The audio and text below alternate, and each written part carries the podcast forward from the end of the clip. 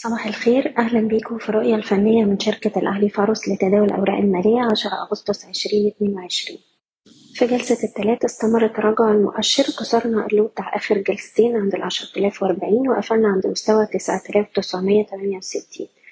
دلوقتي إحنا للجلسة الثالثة على التوالي بنواجه بعض عمليات جني الأرباح اللي شايفينها طبيعية بعد ما وصلنا أو اقتربنا من مستوى المقاومة الرئيسي على عشرة آلاف وتلتمية. مستويات الدعم اللي هنركز عليها دلوقتي حوالين التسعة تمنمية والتسعة آلاف وستمية ودي المناطق اللي ممكن نشوف فيها تماسك ومحاولات ارتداد مرة تانية. دلوقتي بقى عندنا منطقة مقاومة مهمة ما بين العشرة مية خمسة وسبعين والعشرة آلاف وتلتمية. كنا نصحنا الفترة اللي فاتت بجني أرباح المراكز اللي حققت المستهدفات وفي انتظار دلوقتي إشارة شراء على مستويات الدعم. بالنسبة للأسهم نتكلم عن المصرية للاتصالات. شايفين السهم بيستهدف مستوى الخمستاشر جنيه ونقدر نحتفظ بالسهم ونرفع مستوى حماية الأرباح للتلاتاشر جنيه وتسعين قرش.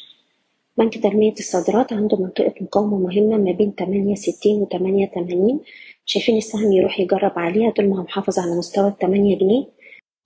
وفي حالة تأكيد اختراق المقاومة هيبقى عندنا مستهدف عند التسعة تلاتين تسعة جنيه تمانين قرش.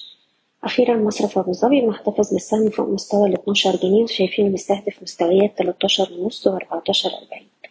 بشكركم بتمنى لكم التوفيق. إيضاح الشركة غير مسؤولة عن أي قرارات استثمارية تم اتخاذها بناء على هذا التسجيل. شكرا.